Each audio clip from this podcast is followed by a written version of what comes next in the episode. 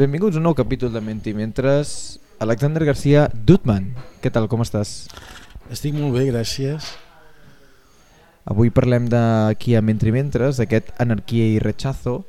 Uh, és un títol que acaba de publicar-se aquí a Barcelona, és uh, aquesta editorial que és SD Edicions, justament, i acaba de publicar un títol teu. Deixa'm que et pregunti, només tens dos llibres publicats en castellà, Mm. Qui és Àlex García Dutban? Um, em sembla que l'editorial es diu bueno, la col·lecció es diu Mudito i Company mm. i és una col·lecció que la porta un amic meu eh, que és el Juanjo La Huerta i el Juanjo em va proposar fer un llibre eh, curtet, petit eh, amb un o dos textos meus i com que ell és historiador de l'art, quan li vaig dir que jo havia escrit una conferència que vaig fer a Alemanya sobre Heidegger i un text molt curt de Heidegger sobre la Madonna Sixtina de Rafael, uh mhm. -huh. això a ell li va interessar molt i així va començar a néixer aquest llibre que ara ha sortit. Jo sóc eh, català i alemany, uh mhm. -huh. les dues coses al mateix temps, i, i, està, i he ensenyat filosofia gairebé sempre a l'estranger uh. -huh. he vingut de tant en tant a Barcelona a participar en algun màster però si no tot el que he fet ho he fet a l'estranger uh -huh. uh, ho he fet a París ho he fet a Nova York ho he fet a San Francisco a Stanford ho he fet durant 20 anys a Anglaterra, a Londres, amb dues universitats diferents, al final a Goldsmiths, i ara des del 2013 estic a Berlín, a la Universitat de les Arts, que és la més gran universitat d'arts que hi ha a Europa, per lo que diuen. Uh mhm. -huh. I també ensenyo filosofia i estètica en aquesta universitat des del 2013. Clar, jo t'anava a preguntar, quan ensenyes estètica, quins són d'alguna manera les teves referències textuals i llegint el llibre, i abans per al micròfon comentàvem, Heidegger, Adorno, Derrida serien una mica la teva base estètica? Sí, jo tinc la gran sort de que tinc una càtedra d'estètica a Berlín, però al mateix temps no tinc que ensenyar només estètica.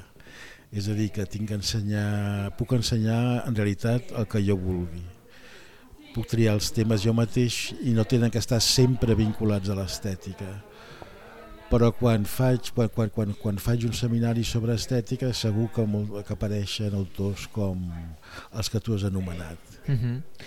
I deixem que et pregunti també perquè la relació amb Derrida però és especial. És especial perquè vaig tenir la gran sort de, de poder seguir el seu seminari a París entre el 1986 i el 1992, sis anys, i en aquest temps doncs, jo vaig ser testimoni, com tots els altres que assistien al seminari, d'un pensament que s'estava fent. Que ja s'havia fet però que se, o que se, es seguia fent en el seminari perquè és en el seminari on, on Derrida desenvolupava les seves idees no? Un seminari a França és un curs en el que parla una persona i després al final hi pot haver-hi una mica de discussió o no, però en realitat les discussions, no hi havia gaire discussió. Eh, el debat o la discussió es feia a part eh, un cop cada dos mesos o alguna així, hi havia una... El que Derrida deia era una seance, un, un de, dedicada a això, a les preguntes que, que podien haver sorgit mentre ell, mentre ell feia el seu, el seu curs. Uh -huh. I com t'has relacionat amb la idea aquesta de la deconstrucció? Perquè hi vas dedicar de fet un llibre. Jo he fet un llibre sobre ell, sí, en alemany, que es diu Derrida i jo, el problema de la deconstrucció i jo em, vaig, jo em vaig relacionar amb la deconstrucció de la mateixa manera que quasi sempre em relaciono amb un autor o amb un artista és a dir, a partir d'un gran entusiasme eh, tot comença amb quasi una dimensió afectiva mm -hmm. saps? no necessàriament amb un interès purament intel·lectual eh, i així també va començar la relació amb ell. És a dir, que és molt difícil per mi separar la persona, el filòsof, que ensenya eh, l'ensenyament oral d'aquest filòsof, de l'obra i del pensament. Uh -huh.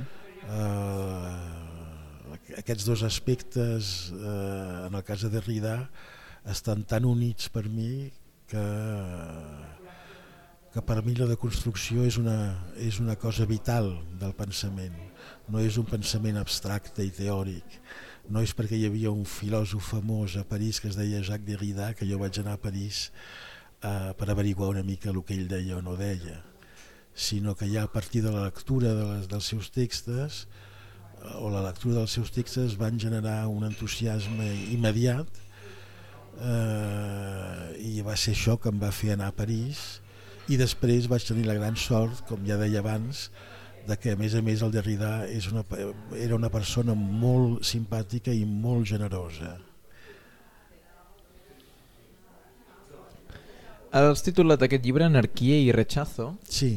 I m'agradaria interessar-me també, eh, perquè parlarem una mica de l'anarquia total que afecta en aquest primer, primer assaig, però et volia preguntar si la part de rechazo és per la part de Visconti.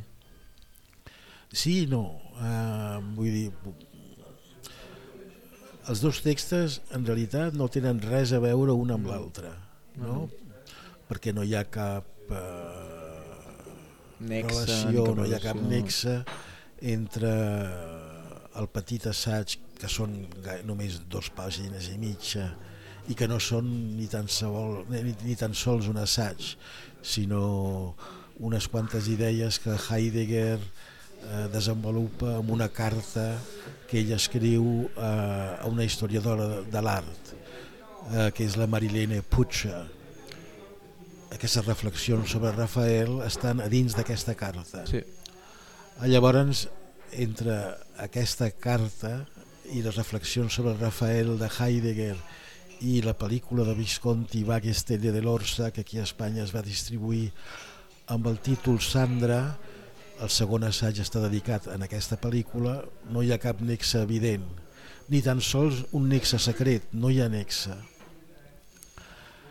Però eh, a mi el que sempre m'ha semblat molt interessant és buscar eh, textos que, com aquests dos, no tenen res a veure un amb l'altre, però entre els quals es pot establir alguna cosa que seria com una relació, no sé com dir-ho, eh, una tensió inesperada o un suspens inesperat o fins i tot un amor inesperat entre els dos textos. Uh -huh.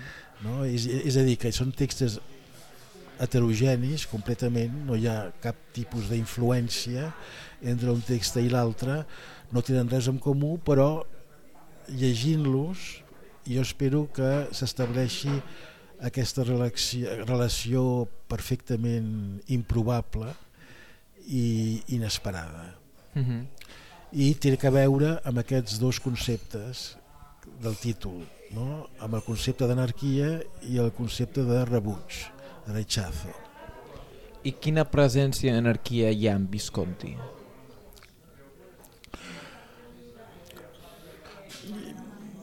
Jo, bueno, potser per, per, per acostar-nos a aquesta pregunta i a una resposta possible faria un començaria per una altra per una altra entraria d'una altra manera en el tema potser, saps? Uh, aviam, per una banda tenim doncs la pel·lícula de Visconti del 1965 que a mi em sembla una pel·lícula interessant perquè és una pel·lícula de rebuig uh mhm. -huh. és a dir, Visconti això ho diu un crític de cinema francès eh, que va escriure segurament el millor article sobre aquesta pel·lícula que s'ha escrit ja de seguida, el, després del, de que es projectés per primera vegada al Festival de Venècia a la mostra al 65 um, i, i diu que en realitat la pel·lícula és estranya perquè és una pel·lícula que està feta a partir d'un rebuig no? És una pel·lícula, és a dir, que està feta per espectadors, eh, i si ets espectador hi ha un argument que més o menys, perquè és un argument complicat, amb l'hora i 40 o 45 minuts que dura la pel·lícula el vas seguint, però al mateix temps és una pel·lícula que es tanca en si mateixa.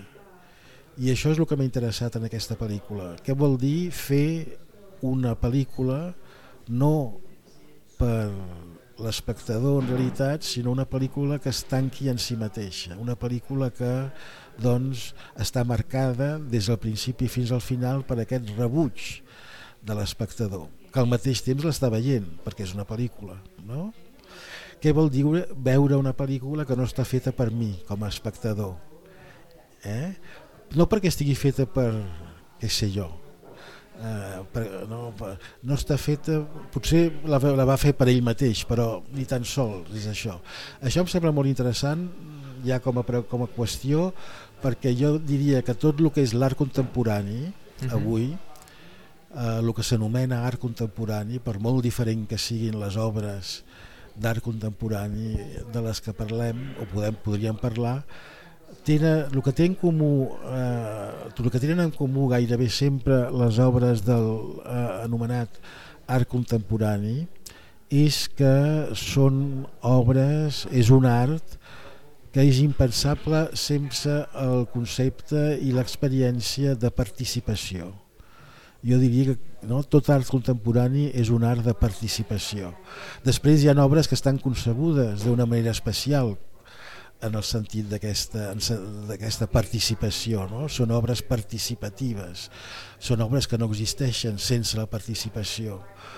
Però també les obres que no estan fetes d'aquesta manera tenen, serien impensables, penso jo, sense l'experiència i el concepte de participació. No? I aquí ens trobem doncs, amb una pel·lícula que precedeix el fenomen de l'art contemporani, eh, eh, perquè està feta ja al 65 però que està feta doncs, a partir d'aquest rebuig absolut de la participació. És a dir, que en realitat avui, en relació amb el que eh, anomenem art contemporani, és una pel·lícula perfectament anacrònica, una, és, és com un, un ovni que aterrissa al, al mig d'aquest art. I, I per això m'interessa, saps? I passa algo molt similar amb, amb el text de Heidegger. Perquè el text de Heidegger és sobre un dels quadros més coneguts de la història de l'art, la Madonna Sixtina i l'operació que fa Heidegger en aquest text, en aquestes tres pàgines tretes d'una carta que va doncs, enviar amb una història de l'art és que torna aquest quadre el fa tan estrany eh, que en certa manera el transforma en un quadre que també és com un rebuig de la participació, de l'espectador.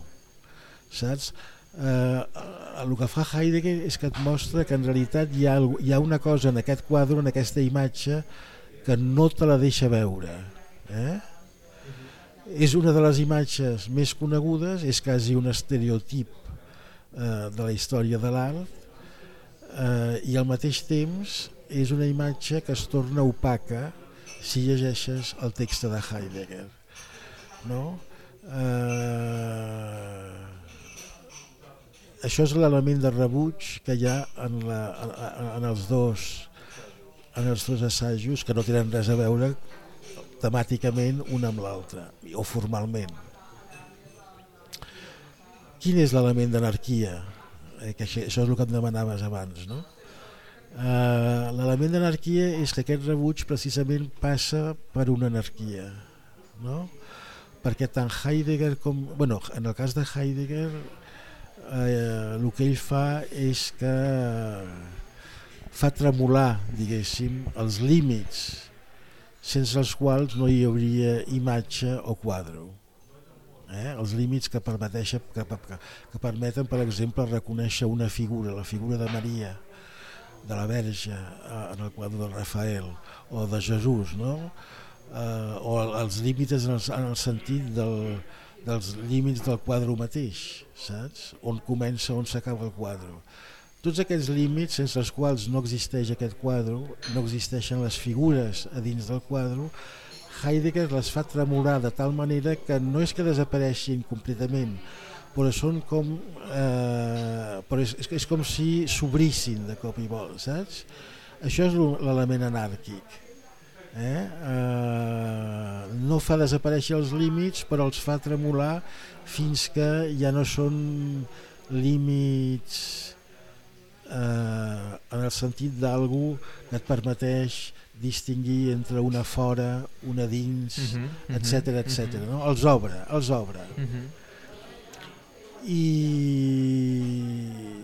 l'anarquia en Visconti eh, seria una gran barreja, diguéssim, que hi ha en la seva pel·lícula d'elements, no? És a dir, que Visconti produeix una opacitat, el rebuig, a través d'una gran i anàrquica barreja d'elements completament heterogenis. Eh? Això és veritat tant des del punt de vista, diguéssim, estètic, no? dels, dels diferents estils que barreja en aquesta pel·lícula, eh, com des del punt de vista també gairebé temàtic, perquè és també aquesta pel·lícula de Visconti un intent de travessar la història des dels orígens de la història mateixa fins a l'època contemporània, és a dir, el moment en el que això és el gran tema de Pasolini també, l'Itàlia dels anys 60 es transforma en una societat industrial. Uh mhm. -huh. eh? Eh, llavors, en una hora i 40 minuts, Visconti atravessa tota aquesta història.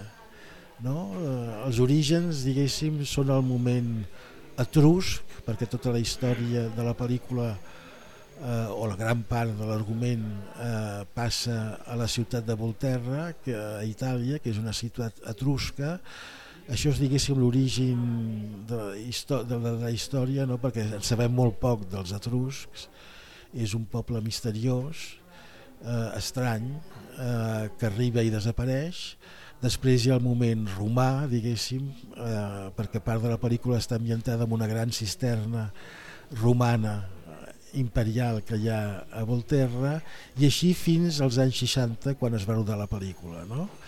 aquesta gran barreja és una anarquia que en realitat el que fa és que fomenta l'opacitat i doncs el rebuig a la participació de Bagistere de l'Orsa uh -huh. i aquí és on potser comencen a establir-se entre uh, la pel·lícula i el text o el quadre de Rafael com un estrany eco saps?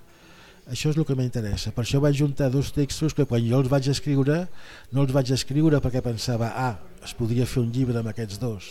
Això és una cosa de la que em vaig adonar quan el Juanjo em va dir podríem fer un llibre i vaig començar a pensar com es podria fer aquest llibre, quins textos o quin text podria, eh, podria publicar en castellà.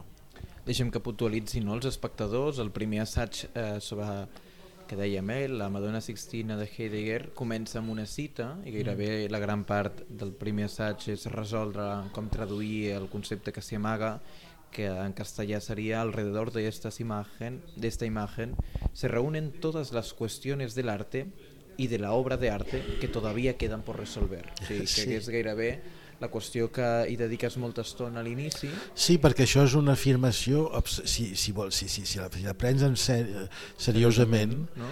no, és una afirmació absolutament inusitada.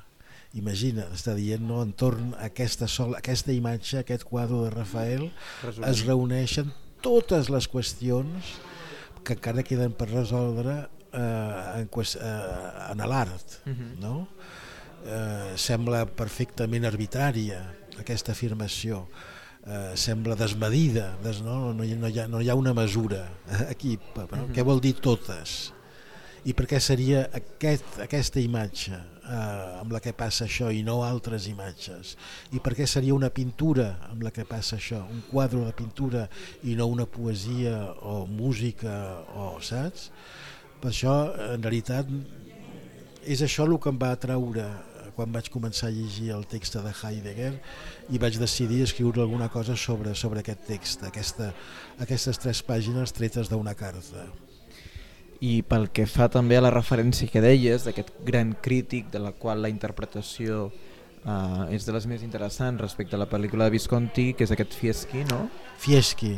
En parles a la pàgina 64 i respecte a la cita de Fieschi n'acabes dient, no? Se tolera la presència del espectador pero no su, no su participación. El espectador debe rebotar contra un objeto insólito, desmesurado e impenetrable, que excede cualquier marco convencional y destaca por una mirada helada y un magnífico descaro.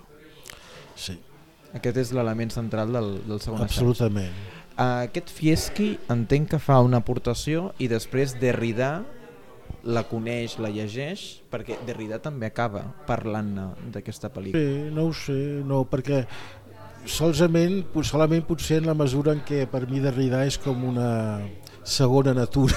I la vas aplicant no? Uh, no, jo no aplico res. Uh, em surt tal com em surt, però no perquè mhm. ho apliqui i sobretot no aplico cap uh, de construcció derridiana la que no, no. per mi no té ni el més mínim interès aplicar una teoria eh, amb una obra d'art no? és la manera de destruir tant la teoria com l'obra mhm. -huh. d'art eh, una teoria no s'aplica eh, i una obra d'art no està feta perquè s'apliquin teories no? diguéssim que eh, ja ho sé que hi ha molta gent que ho fa però jo trobo que gairebé sempre quan es fa això eh, és una operació acadèmica en realitat, eh, uh mhm. -huh. encara que, sigui, que ho faci per un catàleg d'art o el que sigui, Eh, vull dir que no té que ser una operació que situa a dins de la universitat, això no, però és una operació acadèmica sense cap interès.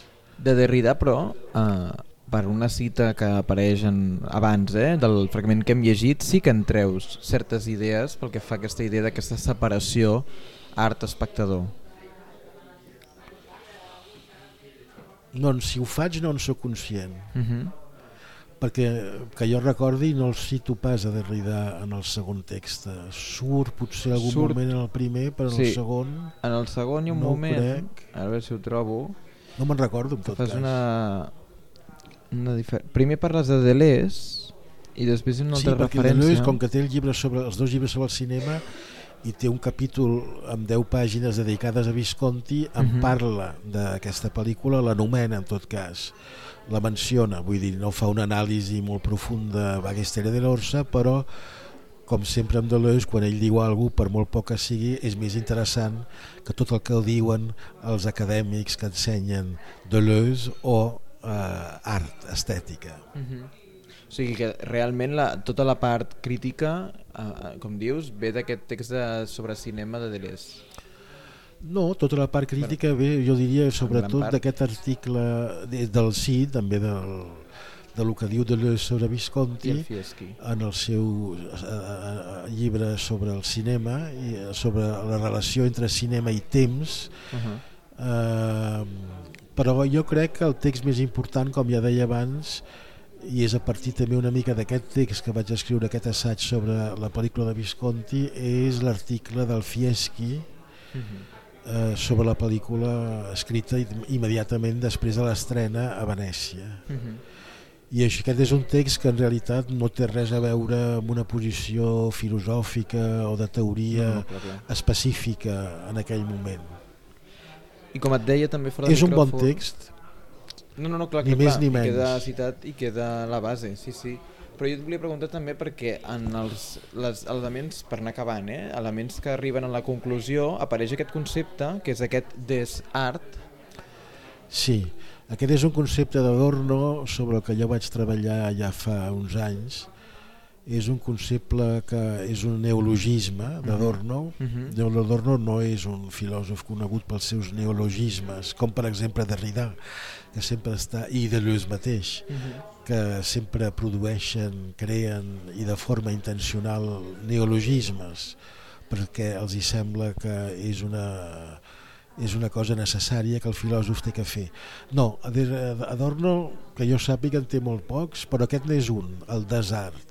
És un concepte difícil de traduir, en alemany és Endkunstung, i a més té, significa, té diversos significats, no? acceptacions diferents i per això em va interessar no? per la seva raresa com neologisme en l'obra d'Adorno i al mateix temps perquè té significats diferents i com que en els dos textos sobre Heidegger i sobre Visconti hi ha sempre un moment en el que parlo sobre la fi de l'art uh -huh. que és un concepte de Hegel que no ha deixat de marejar a, a l'estètica occidental des de que Hegel el va introduir eh, en els seus cursos sobre estètica o filosofia de l'art eh, doncs sí, parlo d'això i aquí és quasi impossible llavors no parlar també de, del, del desart perquè el desart ve a ser com la resposta d'Adorno a tot el que implica el concepte de fi d'art en Hegel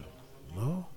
Uh mhm. -huh. El desart són com a mínim dos coses en Adorno per una banda el desart és, el que li, és la transformació de l'art en mercancia no?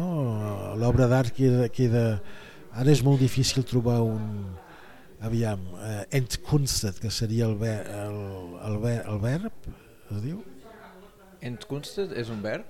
Sí, entkunsten és un verb. Hi ha el, el, el substantiu, que és entkunstung, sí. desart, sí. Però ja quan vols fer, vols, no vols traduir el verb és més difícil, no? perquè seria desertificar, desertificar que, que sí, no? la veritat és bastant lleig, em sembla, no? Eh, tens el mateix problema en anglès i en francès.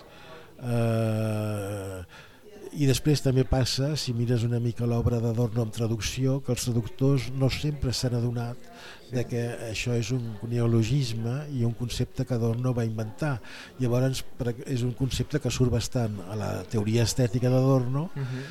i moltes vegades, eh, com que és un llibre de 500 pàgines, eh, cada vegada que surt el concepte en alemany el tradueixen d'una altra manera en francès, per exemple. És a dir, que un lector francès no se n'adona que aquí hi ha un concepte creat per Adorno, Endkunstung. Així, bueno, doncs eh, és això, l'obra d'art queda desertificada en una societat capitalista que només coneix mercancies. Uh -huh. Eh, és, diguéssim, la reificació de l'obra d'art.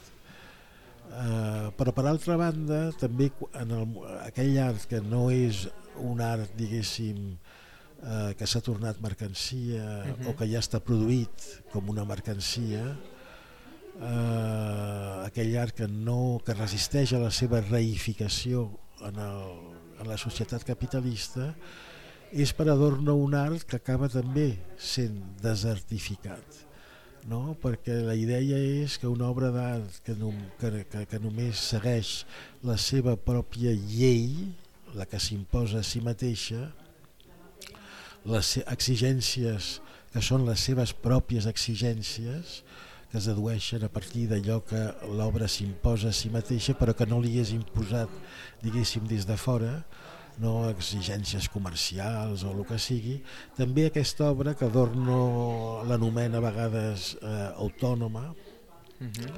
o també autèntica, l'obra autèntica, eh, també aquesta obra acaba desertificada perquè doncs, una obra que al final és perfectament coherent amb si mateixa no amb uns estàndards imposats des de fora, no perquè sigui una mercancia que es vengui, sinó amb si mateixa, independent, independentment diguéssim de, lo, de la manera en què l'art té que funcionar per fer diners en una societat capitalista.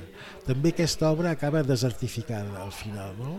una obra perfectament coherent amb si mateixa i en, i en aquest sentit autònoma i eh, autèntica és una obra que al final també es torna com una cosa no? i en aquest sentit és una obra reificada saps? és a dir, és aquella obra que rebutja la, la, de, que, que està marcada per un rebuig de, de la participació perquè es torna opaca no? Eh, eh, en realitat no pots penetrar en una obra que no és res més que ella mateixa Clar. saps? És com una cosa eh, opaca, impenetrable. Uh, I en aquest sentit desart té dos significa, dos, significa dues coses diferents, però al mateix temps uh, és una sola cosa perquè en els dos casos, amb els, en els dos aspectes uh, semàntics de Enskunstung, uh mhm. -huh. al final Enskunstung vol dir una obra que s'ha tornat perfectament impenetrable com si fos una cosa saps? Uh, una cosa que no és intel·ligible sinó que és com una opacitat uh, sobre sí uh, que ens fa caure en certa manera perquè no podem no? Uh, estic buscant la paraula en, en, castellà, en català ara, com se diu en, ensopegar ensopeguem ah. amb, amb, amb, amb aquesta obra no? ensopeguem per la impossibilitat d'accedir-hi això mateix però hi, hi havia una idea també que apareix, uh, no tant en aquest assaig, sinó també en l'altre, que és com una espècie com d'idea d'enigma, bueno, també surt, eh, la idea d'art, intermediació, enigma, per tant, és com que hem d'entendre que aquesta obra s'acaba presentant com un enigma irresoluble? O és que l'opacitat sí. es fa simplement no, en realitat, com present? Ja, no, tant Adorno com Heidegger tenen, eh, eh, parlen d'aquesta idea de que l'essència de l'obra d'art és enigmàtica -huh. però es tracta d'un enigma que no es pot resoldre. En el moment en què es podia resoldre aquest enigma, l'obra d'art deixaria de ser una obra d'art i es tornaria una cosa ara en un altre sentit, és a dir, eh, es tornaria una cosa en el sentit de que seria eh, un objecte eh, sense cap tipus d'enigma. Eh, el que per això l'obra d'art és essencialment enigmàtica o està es, caracter, es caracteritza per allò que Adorno anomena eh, der Rätselcharakter der Werke, el caràcter enigmàtic de les obres d'art i tant Heidegger com Adorno es fan, fan servir la mateixa paraula, Rätsel, que és enigma. Mm -hmm. I ja per anar acabant, ho has explicat i no vull fer tornar-ho a explicar, però acabes parlant a, a la conclusió que dius Visconti transforma el fin de l'arte en fin de arte. Sí. Aquesta caiguda de la preposició a arte, entenc sí. que és el joc que deies abans amb la, cosa, la qüestió que ve de, de la idea hegeliana de fi de l'art. Sí, és a dir, que la diferència entre fi de l'art i fi d'art, diguéssim, eh, en alemany seria Ende der Kunst, la fi de l'art, això és l'expressió que, que utilitza també Hegel, o Kunstende. La diferència seria clar, entre que per una banda es tracta d'una fi filosòfica, d'una determinació filosòfica de l'art, eh, quan l'art arriba a la seva fi deixa de ser art eh, i es torna una determinació filosòfica, conceptual, per això és la fi de l'art, és la filosofia que determina la fi de l'art, és el moment en el que l'art es torna concepte que toca la seva fi, és a dir, que hi ha un... No? Hi ha un sí. I per, per l'altra banda, fi d'art, eh, que és el concepte que jo introdueixo aquí, voldria dir una fi que no és una determinació conceptual filosòfica de l'art, sinó que pertany encara a l'art mateix. No? Eh, aquesta fi seria una fi de l'art, en el sentit de que pertany a l'art.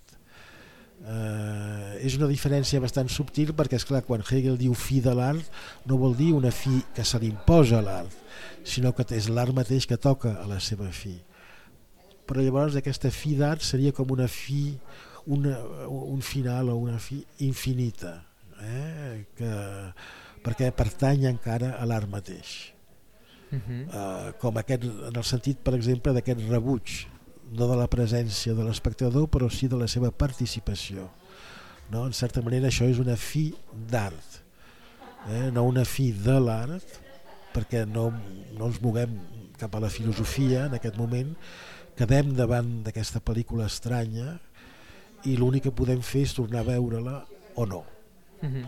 però no hi ha cap uh, lliçó que ens pugui que, que podem aprendre que poguéssim aprendre veient aquesta lliçó filosòfica o conceptual uh, de Bagestele de l'Orsa uh mhm.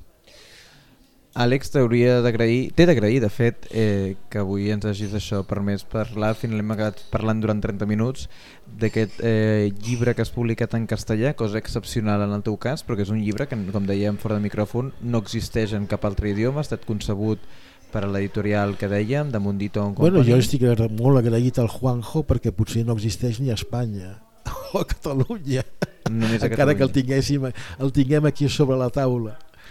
Eh, esperem això, que la gent el pugui trobar a llibreries. Però per això també t'estic molt agraït que hagis fet aquesta conversa amb mi. Eh, potser a partir d'aquí aquest llibre pugui tenir també una, un una existència un improbable i incerta. Doncs t'he d'agrair molt, Àlex, avui que això t'hagis prestat aquí, sabent que estaves uns dies a Barcelona i ara tornes a Berlín. Com dèiem, aquest article que no només parla de Visconti, tot i que hem incidit molt, però amb aquest títol d'Anarquia i Rechazo analitza aquesta Madonna eh, a partir d'aquest text de Heidegger i a partir d'aquesta pel·lícula de Visconti, també amb aportacions de tants crítics, també Chichek, eh, que va citant-lo en un moment que també li agradava molt la pel·lícula i en aquest sentit doncs, acaben sortint moltes reflexions vinculades a tot el que hem tingut en la conversa. La pel·lícula es podrà veure aquí a la Filmoteca, espero en la versió restaurada, a finals de desembre, amb un cicle Visconti que li dedica a la Filmoteca, que, que, que la Filmoteca Sí, de la Filmoteca. Doncs estarem molt, molt atents. Moltes gràcies, Àlex.